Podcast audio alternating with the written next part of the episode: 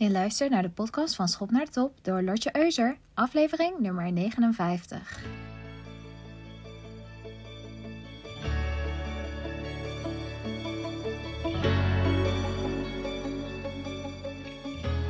Good morning! Voor als je me nog niet kent, ik ben Lotje Euser. Ik ben business mentor voor ondernemers. En het is mijn missie om meer vrouwen naar de top te helpen. Vandaar de naam Schop naar de Top. En ik herhaal dit volgens sommigen niet genoeg in mijn podcast. Dus bij deze. Uh, ook al weten de meesten onder jullie onderhand wel wie ik nou ben. Maar voor jou, die nu zomaar in deze podcastlevering terecht is gekomen, voel je welkom. En nu weet je ook ongeveer wat ik doe.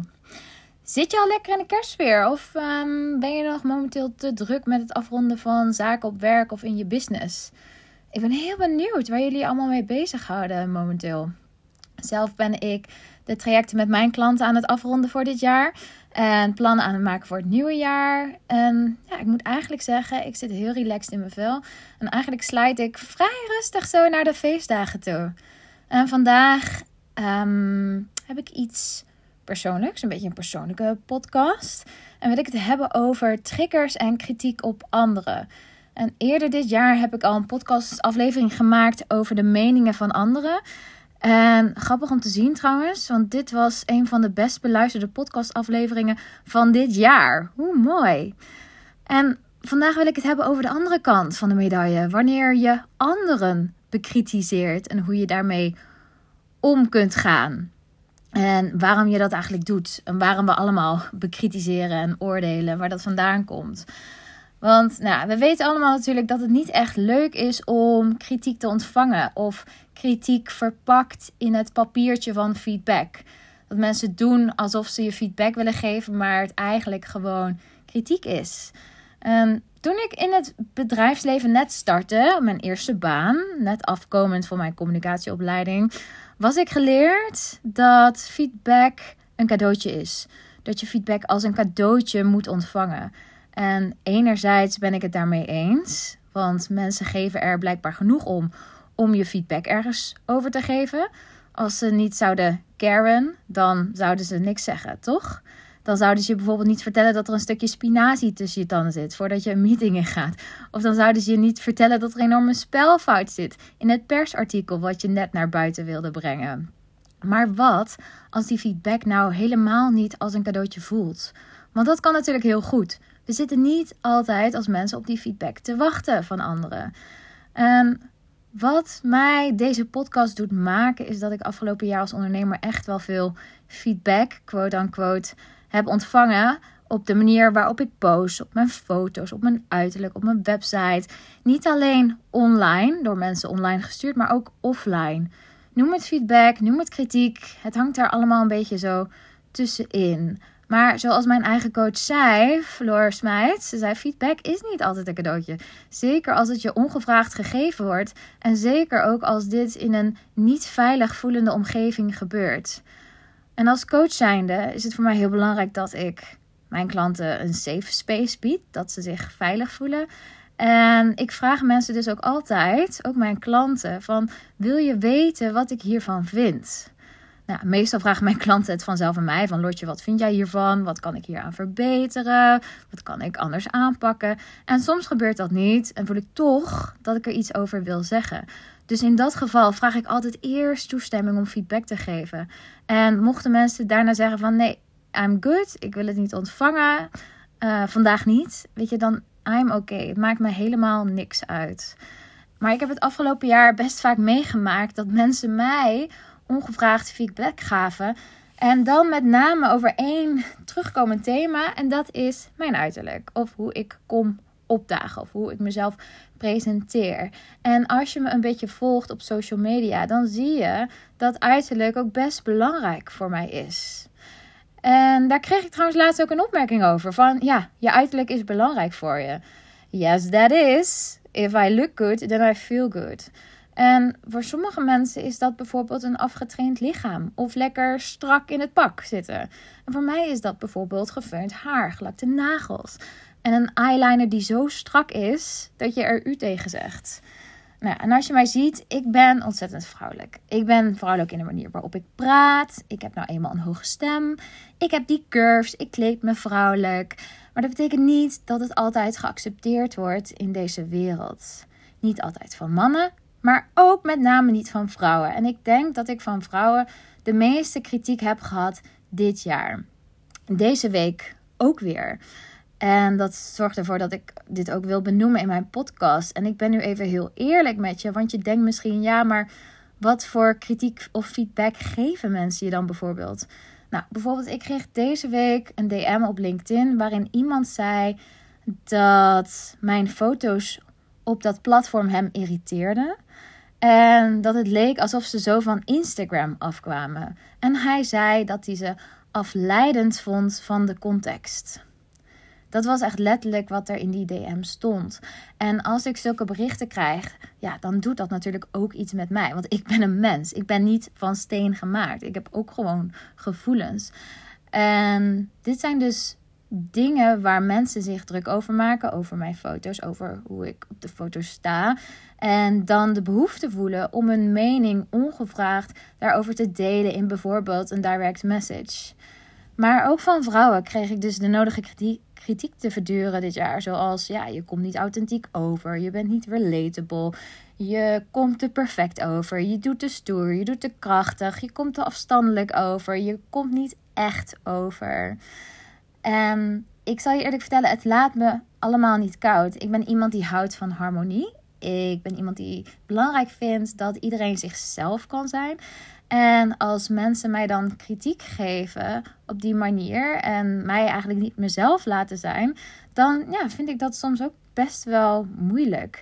Want het is zo makkelijk tegelijkertijd om iemand te beoordelen op een eerste indruk of iets wat je ziet op internet. Maar ondertussen moet je je natuurlijk ook realiseren dat als jij die feedback aan iemand geeft, dat het ook iets met die ander doet. En voor mij zit het zo. Ik ben ondernemer geworden omdat ik meer uitdrukking wilde geven aan mijzelf. Aan hoe ik dingen zie. Uh, hoe ik mezelf wil uitdagen. Hoe ik mezelf wil laten zien aan de wereld. Hoe ik mijn verhaal weer wil vertellen. En hoe ik mezelf wil neerzetten. Om daar vervolgens weer anderen mee te helpen. En altijd al, sinds ik ja, gewoon in veel mannenwerelden heb gewerkt, zoals IT en finance, weet ik dat ik nou, op een bepaalde manier altijd opviel. Omdat ik mijn vrouwelijkheid niet probeer te verdringen of probeer te verstoppen. Ik ben gewoon die vrouw die zich niet laat tegenhouden om in jurken of op hakken te lopen. Want dat is nou eenmaal iets waar ik mij prettig bij voel. En ik weet dat een hoop mensen op deze wereld, niet alleen vrouwen, maar wel een hoop vrouwen, niet zichzelf durven te zijn. En niet dat ene rokje aandoen naar kantoor vanwege de mogelijke reacties die ze zou kunnen ontvangen. Of misschien als jij als man nu luistert, dat jij ook wel eens gewoon dat ene shirt met opvallende print zou willen aandoen, die al jaren in de kast hangt, omdat je niet te veel wilt opvallen en hem daarom maar gewoon in die kast staat hangen. Ik was altijd al die vrouw die glitterpakken aandeed naar kerstborrels. En dan uh, wordt het um, nog een tweede paar uh, hakken meenam als haar voeten pijn deden.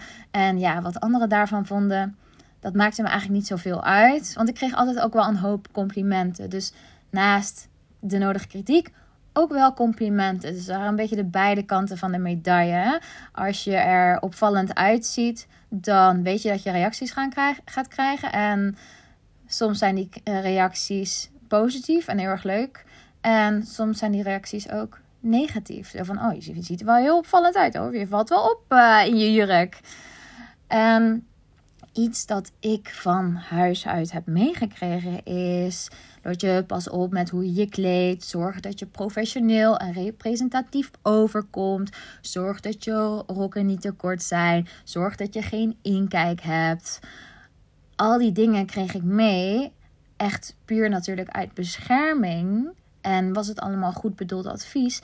Maar uiteindelijk moeten wij als volwassenen natuurlijk zelf degene zijn die bepalen hoe we eruit zien. Niet onze omgeving, hoe goed bedoeld het advies ook is. En misschien herken je dit vanuit je eigen leven. Of misschien ben je er nog niet helemaal bewust van. Hoe meer je in persoonlijke ontwikkeling en persoonlijke groei duikt, des te meer je bewust wordt van bepaalde zaken die je hebt meegekregen vanuit huis of vanuit je opvoeding of bepaalde overtuigingen vanuit je religie of wat dan ook. Bepaalde overtuigingen die je ouders of je familie hebben meegegeven.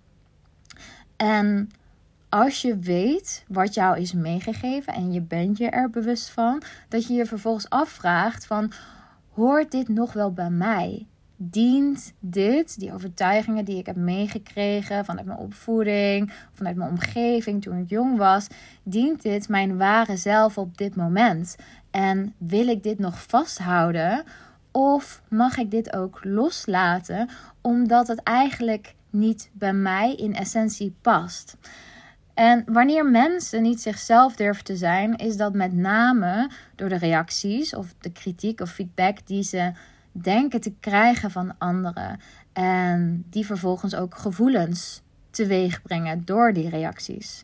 En dat is een probleem, want dat creëert vaak een cultuur van angst, waarin mensen niet echt zichzelf kunnen zijn en kunnen floreren. En dat creëert ook vaak frustratie en disassociatie van wie mensen echt in een kern zijn. Want als jij je gedraagt als een ander, als jij iemand Ehm, als jij iemand die je bent, die je diep van binnen niet bent. En je gedraagt je als iemand anders, dan op een gegeven moment weet je eigenlijk niet meer wie jij nou echt in de kern bent en wat jij belangrijk vindt. Omdat je te veel naar de pijpen van iemand anders probeert te dansen. En ik heb een heel mooi voorbeeld daarvan. Ehm, ik las dit. Uh, ik hoorde hier Lady Gaga over spreken. Dat ze dit ervaarde ervoer, ervaarde tijdens de opnames van House of Gucci, waarin ze die vrouw Patricia Reggiani uh, speelt, die de vrouw van Maurizio Gucci was. Toen, uh, eigenlijk, wanneer was dit? Wanneer speelde zich dit af? Ik weet eigenlijk niet in welke jaren. Ik geloof jaren 80, jaren 90. Zoiets. Nou, maakt niet uit. Maar Lady Gaga ging zo diep op in haar rol. Ze belichaamde die rol zo sterk. Ze was gewoon tijdens die draaiperiode, ze was gewoon die Patricia Reggiani. Um, en zij belichaamde dat zo sterk dat het na de opnames echt een tijd duurde voordat ze zichzelf weer als haarzelf voelde. Voordat ze zichzelf weer had teruggevonden. Ze wist letterlijk voor een tijd wie, niet meer wie zij was. Omdat ze zo zichzelf in die rol had verdiept. En ze voelde zich echt die Patricia. Nou, en dit zie je ook met heel veel celebrities. Ik kijk bijvoorbeeld deze week die, die, die miniserie op Netflix over Meghan en Harry. En dat is wel een goed voorbeeld van wat kritiek met je kan doen. En in deze ja, zal ik het zeggen, documentaire reeks, serie-reeks, um, wordt heel erg gedisplayed wat de media, uh, dat koppel en met name eigenlijk Meghan heeft aangedaan. En hoe zij continu werd neergesabeld in de media. En ja, als je, als je dit kijkt, weet je, hier lusten gewoon de honden geen brood van. En dat is ook een van de redenen waarom zoveel celebrities, maar ook natuurlijk niet bekende mensen, zich of eigenlijk ja, heel veel mensen in deze wereld zich depressief voelen, omdat ze letterlijk bij alles wat ze doen afgunst ontvangen en daardoor het gevoel krijgen dat ze niet meer zichzelf mogen zijn. En als je jezelf niet kunt zijn in deze wereld, in een wereld vol mogelijkheden waar de sky the limit is, ja, wat ga je dan doen? Want alles begint namelijk met jezelf. Als jij jezelf gelimiteerd voelt om jezelf te zijn, ja, laat die sky high dan maar zitten. Want het voelt namelijk niet goed om je te gedragen als iemand anders. Je houdt het misschien wel een tijdje vol. Misschien ook zelfs wel een aantal jaren. Maar ondertussen kan dit je echt opbranden omdat je niet echt volgens je eigen essentie of je eigen kern leeft. En ik heb afgelopen tijd veel interviews gehouden met vrouwen die ik topvrouwen zou kunnen noemen. Die enorme mooie loopbaancarrières achter de rug hebben. En daarin kwam eigenlijk vaak terug dat ze allemaal wel hadden meegemaakt in hun carrière dat ze vrouwen om zich heen zagen veranderen door de cultuur waar zij in werkten. Het was echt bizar hoe vaak dit topic terugkwam. Ik heb trouwens niet alleen interviews met vrouwen gehouden, maar ook met een aantal mannen. Uh, in de corporate wereld. En die herkenden dit ook. Die zeiden ook van, um, die hebben eigenlijk allemaal vrouwen ervaren die liefdevol, aandachtig en zorgzaam waren toen ze net binnenkwamen, maar eigenlijk veranderden door de cultuur om zich heen in het bedrijfsleven. En die zich bijvoorbeeld super mannelijk gingen gedragen en niet meer zichzelf waren en gewoon kei en kei hard werden. En dat uitte zich in bijvoorbeeld enorm competitief gedrag en het neerhalen en afblaffen van andere vrouwen. En je las dit ook terug in dat artikel over De Wereld Draait Door in de Volkskrant. Ehm, met uh, Matthijs van Nieuwenkerk. Dat een van die redacteuren, Duke Winia, van Zorgzame Vrouw, die redacteur was, veranderde in een keiharde en schreeuwende, een ja, mannelijke vrouw, om maar even zo te zeggen. En dat gebeurt er dus als je, als je niet jezelf kan zijn. Dan ga je je aanpassen aan je omgeving en word je iemand die je eigenlijk in feite niet bent. Met alle gevolgen van dien. En misschien denk je nu van, ho, maar zo erg is het niet bij mij. Maar het zit hem vaak al in kleine dingetjes. Dingetjes die we allemaal stiekem doen. Zoals lachen om de grapjes van je baas, die eigenlijk niet door de beugel kunnen en racistisch zijn. En je voelt het op dat moment dat het grapje wordt gemaakt. En je weet van, oh, dit, dit kan eigenlijk echt niet. Maar je durft op dat moment niet jezelf te zijn. En te zeggen zo van, zo, nou, dat kan echt niet, hè, wat je net nu zegt. En dat je dit niet doet, maar bijvoorbeeld meelacht met de groep op dat moment, is eigenlijk ook al een bepaalde manier van jezelf aanpassen en niet je ware zelf zijn. Niet je ware zelf tot uiting brengen. En dat wil ik voorkomen. Ik wil mensen helpen om hun ware zelf te zijn. Ik wil zelf ook mijn ware zelf kunnen zijn. En voor mij is vrouwelijkheid daar een groot onderdeel van. Het is een groot onderdeel van wie ik ben. Of andere dat mensen dat nou leuk vinden of niet. Of andere mensen dat nou passend vinden in de businesswereld of niet. Maar als jij als omstander van mij en mijn essentie kritiek levert of kritiek op anderen levert, op hoe andere mensen zich gedragen, hoe andere mensen praten, doen, zich kleden, dan zeg je eigenlijk in feite van je mag niet zo zijn zoals je je nu gedraagt. En daardoor beperk je eigenlijk andere mensen om zichzelf te zijn. Terwijl ik aanneem dat jij die nu luistert ook gewoon jezelf wil zijn in deze wereld. Ook al heb je bijvoorbeeld een hele harde lach. Ook al staan je tanden net een beetje scheef. Ook al loop je een beetje mank. Ook al is je, voet, is je ene voet groter dan de ander. Ook al slis je een beetje. Ook al maak je soms grappen op het verkeerde moment. Ook al weet je het net even net iets beter dan anderen. Je wil toch ook dat mensen jou accepteren zoals jij bent. En dat je het gevoel hebt dat je jezelf dat je volledig jezelf kan zijn met alle mooie en minder mooie kanten van jezelf. Right? Is dat niet wat we eigenlijk allemaal willen? Ik denk echt dat dat ons ultieme doel ook hier is op aarde. Om onszelf te kunnen zijn, om onszelf te ontdekken en steeds weer nieuwe laagjes van onszelf te ontdekken. Uh, dan is hier mijn boodschap voor jou. Gun dat anderen dan ook. En geef niet zomaar ongevraagde feedback. Want niet iedereen zit op jouw feedback te wachten. Ook al vinden we zelf vaak van wel. Ik vind ook bijvoorbeeld dat ik een van de commentatoren zou moeten zijn bij het Europees Songfestival. Maar betekent dat ook dat ik geschikt ben voor die rol? En dat andere mensen op mijn commentaar zitten te wachten? Niet per se. En weet ook dat als we getriggerd worden door anderen, door iets wat anderen tegen ons zeggen, dat we altijd mogen kijken waar ons eigen oordeel, waar onze eigen kritiek, waar onze eigen feedback naar iemand anders in onszelf vandaan komt. En dan komen we meer op het schaduwkantenverhaal. Welke schaduwkant komt in voren naar ons op het moment dat we ons getriggerd voelen, als we een emotionele reactie krijgen? En ik had het hier laatst over met mijn pianodocent trouwens. we hadden het over de, de rokjes en de kleding van pianiste Yuya Wang. Nou, je moet haar maar eens googlen, dan weet je precies wat ik bedoel. En mijn pianodocent zei dat hij dat niet passend vond, dat hij dat afleidend vond van de muziek. En er kwam een heel interessant gesprek uit voort. Want ik zei namelijk, nou, ik heb er helemaal geen problemen mee met haar kleding. En waarom vind je eigenlijk dat mensen zich op een bepaalde manier zouden moeten kleden als pianist? En waarom is dat zo belangrijk voor jou? En ik zei tegen hem: wat als zij zich nou prettig voelt in die rokjes, in die jurkjes? Wie ben jij dan om daarover te oordelen?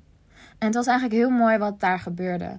Want ik gaf dus aan van, hey, ik heb er eigenlijk helemaal geen problemen mee. En jij wel. En nou, daarna begon de les. En toen, toen zei hij, oké, nu, gaan we, aan het werk. en, en, we werken momenteel aan, uh, aan Lies, aan een constellation, nummer drie. Oh, die is mooi, maar ook super moeilijk. Um, dus de rest van de les hebben we het er niet meer over gehad. Maar een week later, toen ik weer terug op les kwam, toen zei hij dat hij nog eens had nagedacht over ons gesprek. En zich realiseerde dat zijn oordeel eigenlijk meer over hemzelf zei dan over haar. En dat was zo, het was zo mooi. Die realisatie, om dat te zien bij hem. Nou, het was gewoon een heel mooi moment. En nu moet ik zeggen, de klassieke in, muziekindustrie is ook best oudbollig. Weet je, mensen gaan heel strikt gekleed. De meeste muzikanten, weet je, moeten in het zwart of die moeten een pak aan, et cetera. Het is best wel conventioneel. Aan de ene kant kan ik daar heel erg van genieten. En ik vind het bijvoorbeeld zelf ook heerlijk om als ik naar een theater ga, mezelf echt helemaal te kleden. Helemaal mooi te kleden. Alsof je, zeg maar, net zoals vroeger, weet je, dat je naar het theater gaat. En dat je allemaal veren in je haar had. En nou, glitters. En nou, daar ben ik helemaal voor in. Ehm, maar goed, ja, de, de, de, muziek, de klassieke muziekindustrie is, is in dat opzicht ook best wel conventioneel. En ik weet nog dat toen ik jong was, ik was enorm fan van bijvoorbeeld Vanessa May. Uh, zijn violiste. En die had ook best wel spannende outfits. En ze hele moderne muziekclips en een elektrische viool. En daarmee brak ze ook eigenlijk echt een lans voor andere klassiek geschoolde muzikanten. Um, doordat zij klassieke muziek op een hele andere manier bracht. En als mensen iets anders doen dan de norm, dan roept dat altijd weer bij andere mensen bepaalde weerstand op, omdat mensen het niet zijn gewend. Ze worden getriggerd, omdat het dan niet is zoals het hoort. Dus wat is dan de manier waarop mensen ermee omgaan? Ze keuren het direct af en gaan commentaar leveren of kritiek. En dat is misschien ook wel wat ik trigger bij andere mensen. Bijvoorbeeld als je mijn foto's ziet. Ja, het zijn niet echt standaard business foto's. Maar ik wil ook niet tot de standaard horen. Want ik, ik, ik vind mezelf niet standaard. Of ik wil ook een lans breken voor vrouwen die meer hun vrouwelijkheid willen uitdragen in het, in het bedrijfsleven. Omdat ze niet dat ene broekpak willen aantrekken. Omdat ze zich daar niet prettig bij voelen. Omdat ze gewoon zichzelf willen zijn. Maar doordat we zo snel uh, commentaar leveren op anderen, als ze er anders uitzien, ja, creëren we eigenlijk onze eigen systemen, onze eigen hokjes, onze eigen kaders. En daar zitten we zelf een beetje in vastgesleten. Um, en daardoor voelen we ons ook getriggerd als iets dus op een andere manier gaat of eruit ziet. En dat is dus eigenlijk altijd als we een oordeel willen vellen, of als we kritiek willen geven, of als we commentaar leveren. Wordt letterlijk iets getriggerd in onze schaduwkant. Een kant in onszelf um, die we willen verbergen en die we eigenlijk niet willen erkennen. Maar die er wel degelijk is. Want anders zouden we ons niet zo getriggerd voelen. Dan zouden we gewoon oké zijn met wat er is. Dus het zegt in feite meer over hoe wij in elkaar zitten dan over hoe anderen in elkaar zitten. En het hebben over schaduwkanten en Carol Jung, een van de grondleggers van schaduwwerk, is echt een onwijs mooi topic om over te praten. Maar uh, meer voor een ander moment, want anders wordt deze podcast echt heel erg lang. Um, en ja, ik hoop dat mijn verhaal, mijn voorbeelden in deze podcast jou aan het denken zetten over waar jij een oordeel over hebt. En of jij bij jezelf te raden kan gaan van hou jij ook vast aan bepaalde normen, waardoor je commentaar hebt op mensen die niet aan die norm voldoen. En dat je jezelf vervolgens afvraagt: waarom wil ik eigenlijk dat mensen hier aan voldoen? En waarom laat ik andere mensen niet gewoon zichzelf zijn zonder mijn ongevraagde feedback te leveren? En heb ik zelf eigenlijk wel het gevoel dat ik mezelf kan zijn bij mijn vrienden of bij familie of op het werk? Of pas ik mezelf soms ook aan? En waarom dan? Nou, en dat is eigenlijk ook in een notendop waar ik mensen op coach. Ik zeg altijd dat je het best in sales wordt door jezelf te zijn. Maar jezelf zijn is niet alleen belangrijk omdat je je bedrijf er beter door kunt leiden en meer authentiek kunt zijn, maar ook omdat het vooral ook veel prettiger en lichter voelt als je jezelf durft en kunt zijn. Of je nou ondernemer bent of in loondienst zit, maakt helemaal niks uit. En we oordelen natuurlijk allemaal. En hoe meer je over jezelf te weten komt en over de manier waarop jij oordeelt of waarover jij oordeelt, hoe meer vragen dat ook weer kan opleveren. En ja, des te mooier het je eigenlijk ontdekt, ja, uh, wat er in jou verscholen zit. Welke delen jezelf van jezelf ontdekt. En ja, waardoor je meer aan het werk kunt gaan van, oh, waarom heb ik nou eigenlijk deze overtuigingen die in mijn hoofd sluimeren? En zijn deze eigenlijk ook onderdeel van wie ik ben in mijn kern? En het is natuurlijk een soort van endless story, want hoe meer, je, hoe meer laagjes je van jezelf ontdekt, hoe meer vragen dat ook gaat opwerpen, maar des te beter je ook jezelf Ehm, leert kennen. En mocht dit verhaal nou op je aanslaan, in januari start ik een programma. Fortified Fem heet het. En het gaat helemaal over jezelf durven zijn wanneer je verkoopt. En over jezelf omarmen. En vertrouwen op je eigen kracht. En dit ook te gebruiken voor je sales. En dit programma is niet alleen voor ondernemers. Want sales is in mijn ogen zoveel meer dan alleen: ik heb een product. Wil je het kopen? Het is ook je ideeën verkopen aan je baas. Het is ook je collega's over te, overhalen om je te helpen bij een nieuw project. Het is eh, ook solliciteren bij, een, bij je droombedrijf. Het is allemaal een vorm van sales. In feite is net zozeer dat je je peuter wilt overhalen dat hij zijn spruitjes moet opeten. Geven we dat tegenwoordig nog aan onze kinderen, de spruitjes? Ja, ik ben geen moeder, dus ik zou het niet weten. Maar stel dat je je kinderen wil overhalen om iets te te eten. Van, oh, je moet wel echt je avondeten opeten. Um, dan is dat eigenlijk ook een manier van sales. Want je probeert mensen te overtuigen om bepaald gedrag te vertonen. Dus mocht je er nou iets voor voelen om mee te doen, nou, je bent van harte welkom om je aan te melden. Dit programma is een groepsprogramma. En ik heb al zoveel leuke vrouwen bij elkaar gekregen. En nou, mocht je als man nu denken, ja, kan ik ook meedoen? Want ik wil ook authentieker mezelf neerzetten, verkopen, wat dan ook. En mezelf zekerder voelen over de manier waarop ik dat doe. Ja, zeker. Want ik denk dat een hoop mannen ook baat zullen hebben bij dit programma. Ook omdat het vooral over jezelf zijn gaat. Wanneer je jezelf moet verkopen. Nou, dit programma start op 9 januari tweede week van januari. En het duurt tot eind januari. En je kunt van dit programma groepcalls um, slash masterclasses verwachten, waarin ik je ook ga coachen. En je zit in een groep op Foxer, waarin ik je tussentijds kan helpen en waar je ook steun en motivatie ook van anderen kunt ontvangen. En natuurlijk ook feedback als je daarom vraagt. je kunt je nog aanmelden via mijn link in bio op Instagram. Of ja, je kunt me even een mailtje sturen voor de betaallink. Um, de deelname kost momenteel nog 222 euro. En na oud en nieuw gaat de prijs naar 333 euro. Dus um, mocht je me willen mailen, dan kan dat. Je kunt een mailtje sturen naar info.lordjeeuzer.com. En ja, ik denk dat dit wel even genoeg is voor deze aflevering. Ik hoop echt dat je er iets uit hebt opgedaan voor jezelf. En ja, vergeet je trouwens ook niet te abonneren op mijn podcast. En ik vind het natuurlijk ook super leuk als je even vijf sterren geeft als review op Spotify. En denk je nou op dit moment, ja, maar ik wil geen vijf sterren geven, ik wil vier sterren geven. Dan zeg ik, laat dan maar zitten. nee, grapje. maar vijf sterren word ik natuurlijk het aller, aller, allerblijst van. Nou, ik wil je bedanken voor het luisteren. En tot de volgende keer. Doeg!